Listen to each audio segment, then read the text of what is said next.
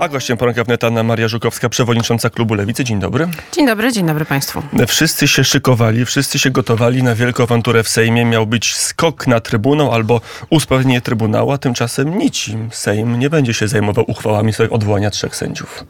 Dlaczego? Nie miało być na pewno skoku, to jakieś są dziwne interpretacje.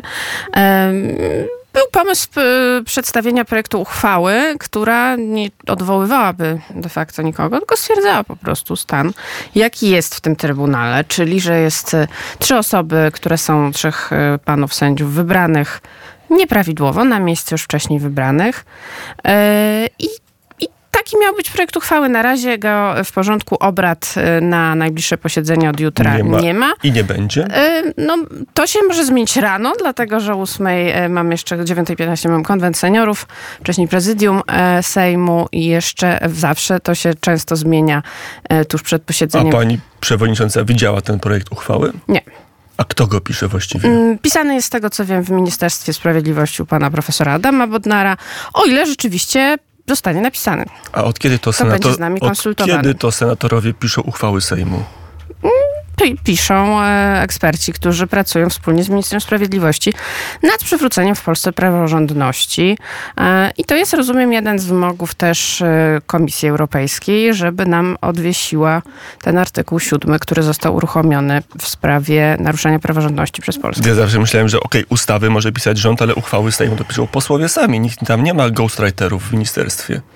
Myślę, że projekt uchwały może powstawać w wielu miejscach. To nie jest jakiś bardzo sprecyzowany dokument legislacyjnie, tak jak to jest z ustawami, że muszą być pierwsze, drugie, trzecie czytanie, e, który na którym posiedzeniu, na, w jakim odstępie czasu i tak dalej. Uchwała to jest wyraz woli Sejmu. I, I potem, e, to jest po prostu wyrazie... dokument, który nie podlega takim, um, takim legislacyjnym obostrzeniom jak ustawa. No i nie ma podpisu prezydenta, co no jest chyba jest kluczowe, kluczowy element. Właśnie. Wczoraj marszałek Szonchownia mówił, że nie zanosi się na to, żeby było na tym posiedzeniu e, ta sprawa uchwał. No to z pewnością myślę, że ma najlepszą wiedzę jako marszałek Sejmu w tej sprawie, gdyż kieruje pracami Sejmu i um, no, rozumiem, że rzeczywiście nie będzie na tym posiedzeniu. A może się przestraszyliście jako koalicja centrolewicowa głosu pana prezydenta, który powiedział, że e, takie działanie to będzie wojna z pałacem prezydenckim.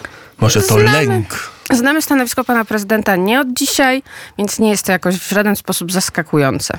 A z drugiej strony jeszcze w piątek, w czwartek Onet, Gazeta Wyborcza pisały, że będzie pięciu sędziów na wymienionych, na cenzurowanym, poza trzema tak zwanymi dublerami, czyli panem profesorem Muszyńskim, panem profesorem Wyrębiakiem, panem profesorem Piskorskim, jeszcze pani profesor Pawłowicz i pan e, sędzia Piotrowski. Piotrowicz. Mm, tak, gdyż tam była kwestia przekroczenia wieku emerytalnego e, I... przez panią Pawłowicz, pana Piotrowicza. Ale jednak ich nie będzie. Tu się cofnęliście wyraźnie. No, ja tego nie Miała widziałam piątka, wcześniej w, swojej, w, w, swoim wyobrażeniu. Jeżeli chodzi o ewentualną uchwałę, to raczej tylko tych trzech sędziów.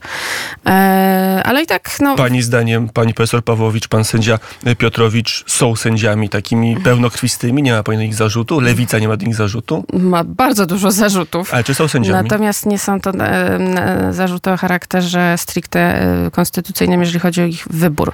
Także ja wcześniej ich nie widziałam w tej uchwale. No nie sądzę, dlatego że tutaj są możliwe postępowania dyscyplinarne. No, szczególnie pani Pawłowicz myślę się kwalifikuje nie od dzisiaj na takoweż, bo moim zdaniem narusza Trybunału? powagę urzędu. E, jako sędzia właśnie, tak. No.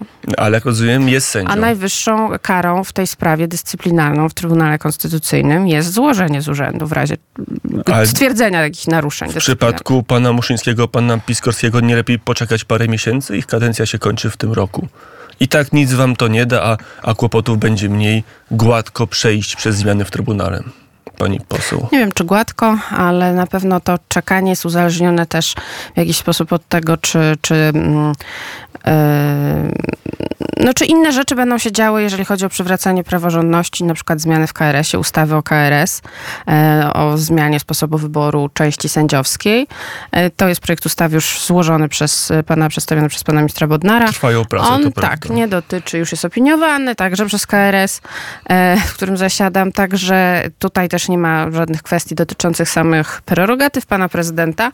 On mówi tylko po prostu o sposobie wyboru, więc nie powinien, myślę, u pana prezydenta budzić głębokich kontrowersji. Mam nadzieję, że go podpiszę i już będziemy naprawdę do przodu. A to jest jakiś komunikat, który teraz pani przewodnicząca powiedziała? Jak pan prezydent podpisze zmiany w KRS-ie, to wy odpuśćcie Trybunał?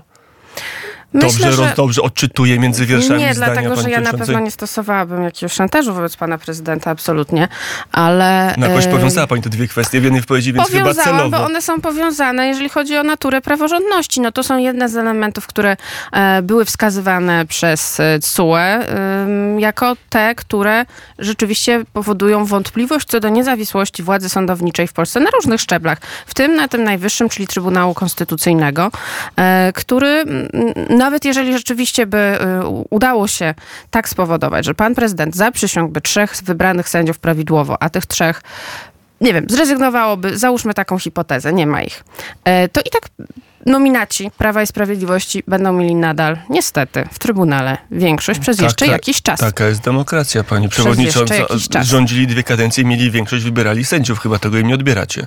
E, tak nie, to się ale działo wybrali przez... trzech na miejsce już wcześniej wybranych. Mm, chociaż dyskusja tutaj trwa prawna. Mm, pani poseł, tak się składa, że 6 lutego 35 lat temu w Warszawie rozpoczęły się obrady Okrągłego mm, Stołu.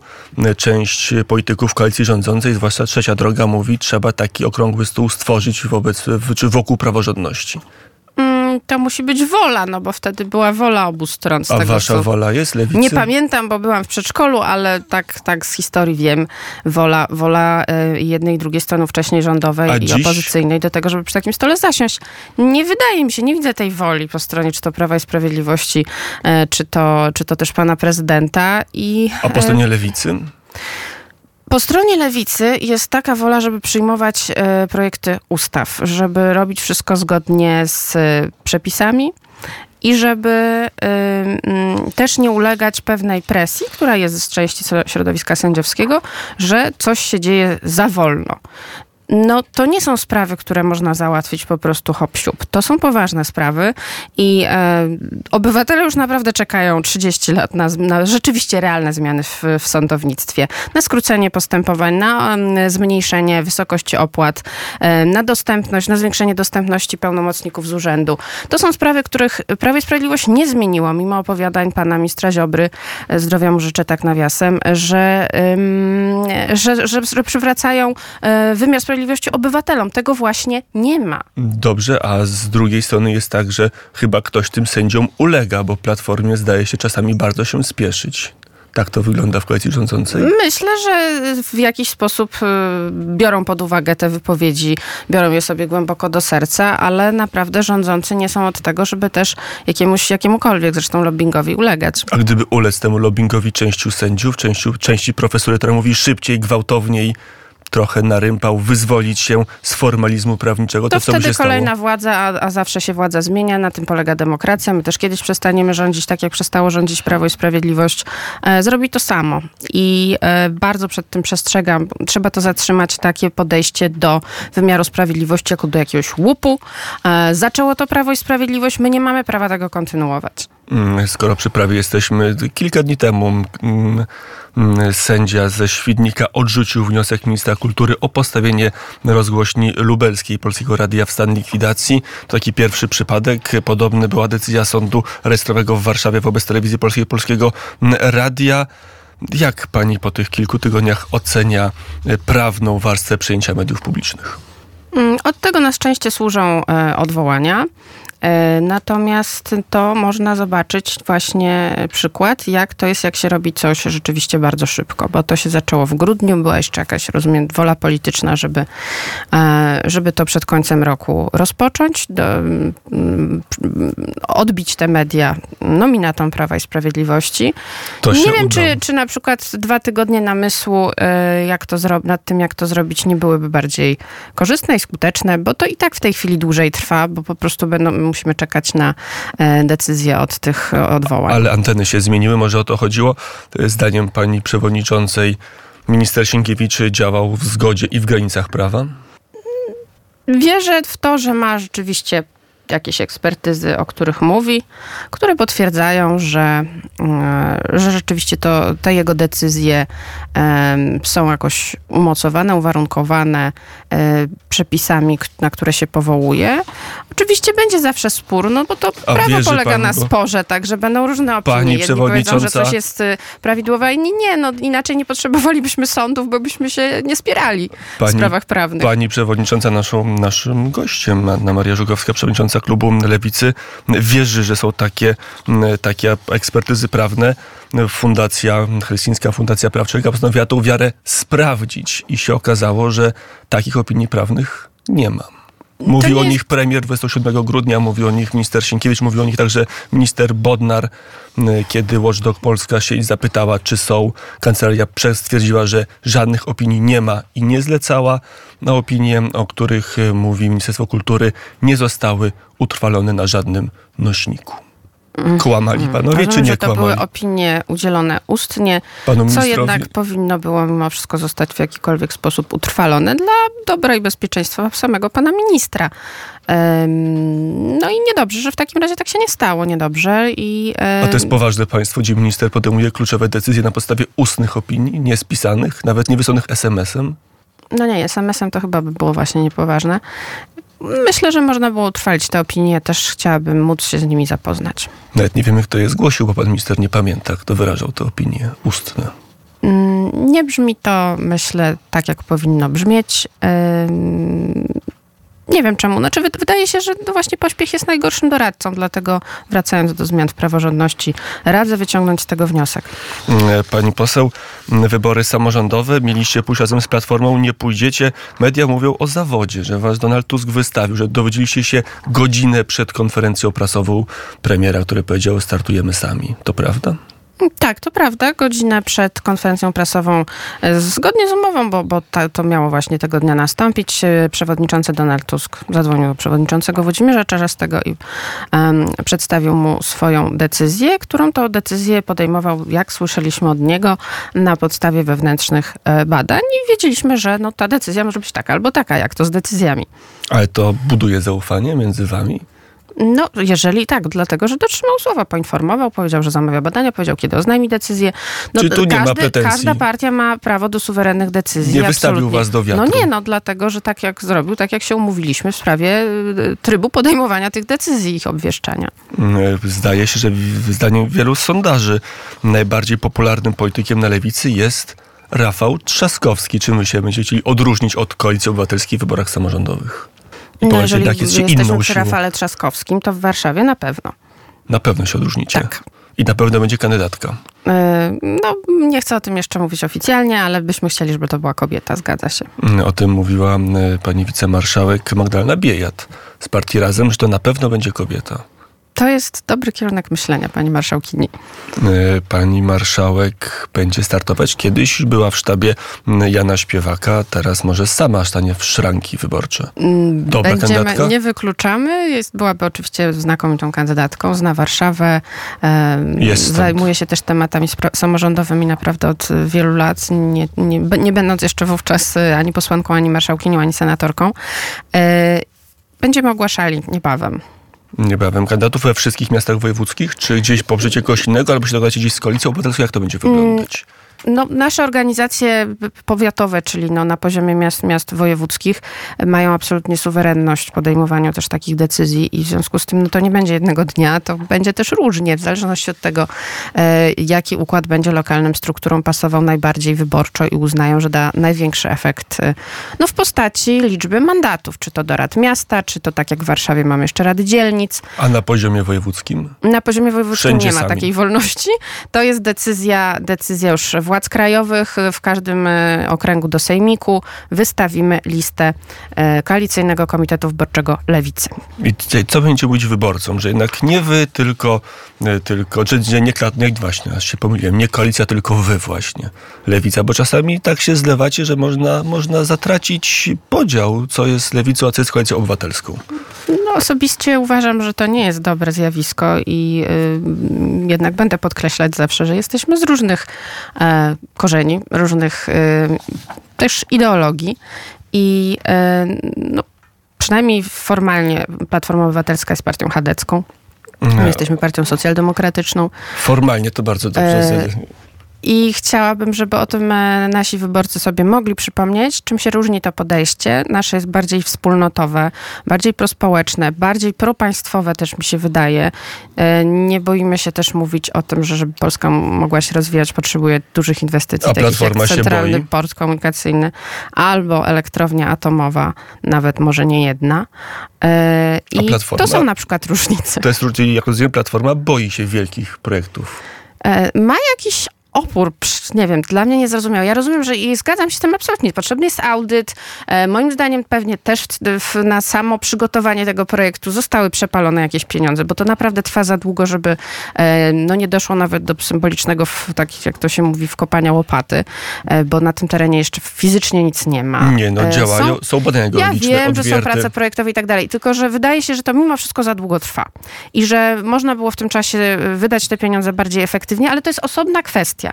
To zróbmy, to zróbmy, audyt zrobimy. E, Natomiast sam fakt, że Polska potrzebuje jako piąta gospodarka Unii Europejskiej e, dużego centrum, hubu transportowego, zarówno kolejowego, jak i lotniczego, bo nie mówimy tutaj o ruchu pasażerskim, bo ja słyszę jakieś opinie, że Ryanair się wypowiada, że e, Tak, po co to wszystko... Ryanaira, który no ale to jest jawny lobbying, To no pra- naprawdę. No to jest wiadomo, że ktoś, kto jest związany z jednym lotniskiem, nie będzie zachwycony, jak powstanie inne. Bardzo chciałbym zobaczyć, jak wyglądają finansowe m, rozliczenia Ryanaira z, z lotniskiem w Modlinie, bo tam podobno są bardzo e, ciekawe e, kontrakty. Pani m, przewodnicząca Anna Maria Żukowska, naszym gościem, to młoda lewica.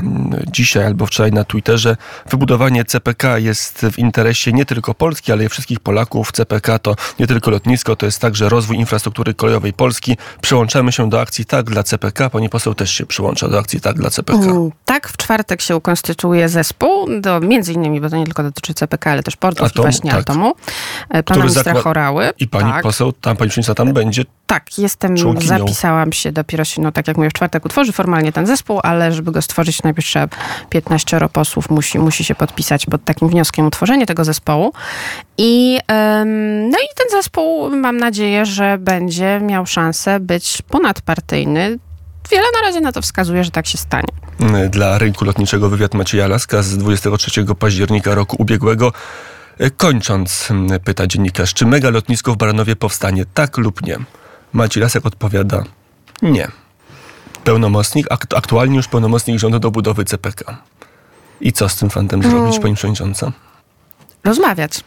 Przekonywać? Przekona Przekonywać. pani, przekona pani Macieja Laska, że jednak skoro jest pełnomocnikiem rządu do budowy CPK, to warto go jednak wybudować?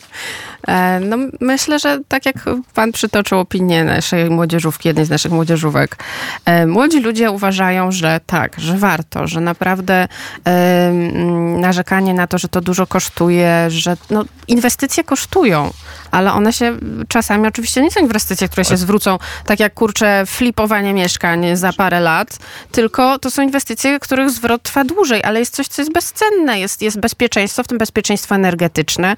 To nie są rzeczy, które możemy sobie Sejmu jako... powstanie, którą przegłosujecie w i Sprawiedliwością. Nie wykluczam tego, że może kiedyś taki projekt y, wpłynie do który będzie apelował do rządu, żeby wybudował CPK. Zobaczymy. Na razie rozmawiamy, na razie powołujemy zespół. Na razie czekamy na audyt. Zobaczymy, co zrobi sam pan minister Lasek, chociaż jak cytowałem, nie jest entuzjastą tego pomysłu. Pani poseł, na koniec czekamy na projekty aborcyjne. Większość z nich jest już w Sejmie. Trzecia droga zapowiada własna, ale jeszcze go nie ma, jeszcze nie wpłynął. E, Kiedy spodziewamy się też bardzo emocjonalnej debaty nad aborcją w tym parlamencie, w tej kadencji Sejmu? Mm, No jeszcze nie wpłynął, nie wiem czy wpłynie, bo pytałam o to pana marszałka y, Hołownię. Nie był, jeszcze, nie był przekonany do tego, czy na pewno ten projekt wpłynie. Na razie są w związku z tym trzy, są dwa nasze, jeden projekt y, Koalicji Obywatelskiej. E, No i no, mają już numery druków, więc nie ma na co czekać. Trochę no. czekały, to prawda. Y, 60 parę dni sobie przyczekały, w, no może nie w zamrażalce, ale w lodówce pana marszałka. Z tej lodówki... Zima była, weźmy to pod uwagę. Zostały Same się z, zmroziły lekko. E, No dobrze, a ten dwunasty tydzień ciąży to nie budził pani przewodniczącej żadnych obiekcji, No nie, żadnych etycznych Nie. wątpliwości, nic, żadnej. nie. Nie. No inaczej bym się nie podpisała pod tym projektem, prawda? I tu nie ma, że człowiek kiedy powstaje, tu żadnych dyskusji filozoficznych, żadnych wątpliwości, nul. Filozoficzne zero. dyskusje możemy prowadzić, tylko że nie, na, nie, nie, nie, w sprawie e, takiej, do, od którego momentu powinna być e, możliwość e, podjęcia decyzji przez osobę będącą w ciąży. No tak uważam. E, Z reguły kobiety będą w ciąży. Tak. I, e, i to, jest, no to, jest, to jest organizm, który się rozwija w jej ciele po prostu. No i e, bez jej ciała nie będzie się rozwijał. Na pewno nie będzie miał takiej szansy. Nie mówimy to oczywiście o późniejszym etapie ciąży, gdzie rzeczywiście może mm, być, przecież wcześniaki ratujemy już 24-5-tygodniowe, no. ale, ale na tym etapie ciąży nie ma takiej możliwości. To jeszcze ostatnie pytanie ode mnie o prace domowe. To Magdalena Honiuk prosiła, żeby zapytać pani kiedyś koleżanka, nie wiem czy partyjna, bo tego nie zbadałem, ale na pewno z lewicy, pani Barbara Nowacka, też ruch Palikota współtworzyła, podjęła tą decyzję, tak jak na Tusk, o likwidacji czy zakazie albo ograniczeniu prac domowych. Jak wy jako lewica na ten pomysł patrzycie, na jego realizację? Od Myślę, kwietnia, że tutaj e, na prima dosyć... że dosyć dużo było tutaj błędów komunikacyjnych, jeżeli chodzi o obwieszczenie, zapowiadanie tej decyzji. A sam kierunek słuszny, bo pan bo... minister Gdula, pan poseł Gdula powiedział, że to będzie no, nie służyć wyrównywaniu szans edukacyjnych polskiej młodzieży i polskich No niestety dzieci. jest takie ryzyko, więc ja mam nadzieję, że to będzie polegało na tym, że prace domowe, czy je nazwiemy tak, czy je nazwiemy inaczej, projektami, nie wiem, będą mogły być przez dzieci odrabiane w szkole w świetlicy, tak żeby jednak e, możliwość powtarzania materiału była, bo e, pod, później słyszałam wypowiedzi pani minister, że to nie oznacza, że nie będzie można się, nie wiem, uczyć wierszy na pamięć, czy tak, czytać to, lektur. Jest dwugłos. Pani minister e, Lubnauer, wiceminister mówi, że jednak będzie można. No dlatego mówię, że jest trochę chaos komunikacyjny i nie wiem, z czego on wynika, ale, ale myślę, że rodzice chcieliby już wiedzieć, na czym stoją i, i dobrze by było to już jasno doprecyzować. Wiadomo, że przebiło się takie hasło, że nie, koniec, nie będzie prac domowych, ale to do końca tak y, tego nie oznacza. Dzieci poczują się oszukane, to już całkiem na koniec, po tych prawie dwóch miesiącach premier Donald Tusk jest dobrym szefem rządu? Tak, tak. Myślę, że nasi... Nie ma zarzutów e, lewicy. Ja akurat nie jestem w rządzie, ale z tego, co wiem z, z rozmów z naszymi ministrami, to, mm, to współpracuje się dobrze, jest to współpraca konkretna a w studiowy konkretnie wrócił Krzysztof Skowroński i czyta jak zwykle Gazetę Wyborczą. To jedyne medium, które czyta Krzysztof Skowroński w ostatnich dniach i nie wiem, co z tego wynika. I uczę się, i uczę się na pamięć oczywiście, żeby e, móc, e, móc e, zacytować, ale pani, pani poseł powiedziała, że w czasie Okrągłego Stołu była pani w przedszkolu. To pytanie a propos, a propos tego przedszkola. Mianowicie do Rady Nadzorczej Orlenu Lewica, w Lewica po, Ireneusz Sitarski będzie w Radzie Nadzorczej Orlenu, to według Gazety Wyborczej. Ireneusz Sitarski był w kancelarii prezydenta Wojciecha Jaruzelskiego, był wiceministrem przekształceń własnościowych w rządach SLD, e, PSL. Oczywiście należy do grupy ordynacka, w której ważnym działaczem był kiedyś i pewno jest do tej pory e, pan Włodzimierz e, Czarzasty. To przedszkole doścignęła pani jednak starszych mężów stanu. Czy doścignęłam? No, w sensie, sensie jest pani w tej, w, tej samej, w tej samej drużynie, że nagle okazało się, że do Rady Nadzorczej Orlenu e, musi być e, przedstawiony, czy musi kandydować e, osoba, która była związana z kancelarią prezydenta Wojciecha Jaruzelskiego. Nie potwierdzę pan tej informacji, bo ją właśnie dopiero od pana usłyszałam, także nie umiem jej skomentować. To e, drugie pytanie już dotyczy centralizacji Unii Europejskiej. Czy Lewica jest za tym, żeby ten projekt centralnie sterowany z Brukseli Europy był, e, wszedł w życie, żebyśmy e, część kompetencji, istotną część kompetencji oddali e, przyszłym liderom europejskim?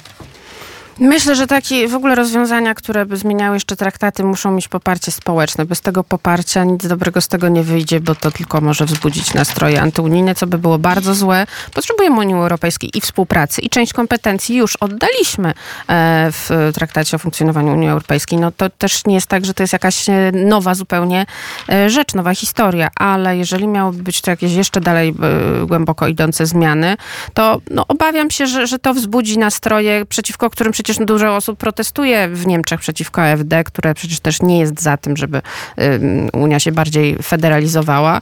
Ja uważałam zawsze, zawsze to mówię przy takich okazjach, że e, powinniśmy wzmocnić kompetencje Parlamentu Europejskiego do tego, żeby mógł przedstawiać, mieć też inicjatywę uchwałodawczą, bo w tej chwili tylko może proponować rezolucje, które są niewiążące. No to tam jednak znajdują się reprezentanci wybrani we własnych państwach e, w procesie demokratycznym I ja bym jednak em, wrzuciła to do całej dyskusji o w ogóle działaniu Unii Europejskiej.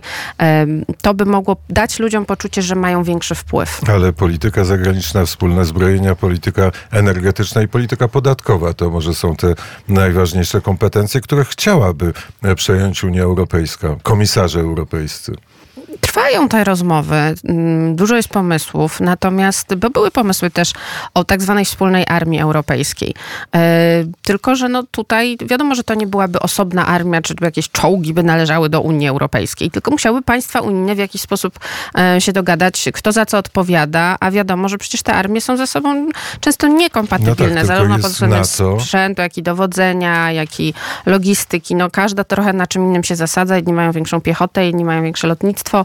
E, Jest pole do rozmowy o I tym, trudno ale byłoby trudne. wybrać e, język, czy to miałby być język niemiecki, czy E, francuski, Jeden z urzędowych języków Unii jest nadal angielski, więc myślę, że to była jednak najprostsza decyzja do podjęcia. 8.41 pani przewodnicząca musi na konwent seniorów zdążyć o 9.20. Ale pani, jak to na konwent seniorów? Nie, to jutro Przed- konwent. Jutro. Jutro, jutro. No. Dzisiaj nie ma konwentu? Nie, jutro jest. Przed posiedzeniem. A czy, Od razu, a wieczorem się nie spotykacie? Nie, bo jeszcze pan marszałek jest na Litwie, z tego co pamiętam. a czy, Urzędowa a czy pani, e, pani e, A to mamy pos- czas. To... a czy pani poseł wy, wybiera się do Parlamentu Europejskiego? E, Nie, nie.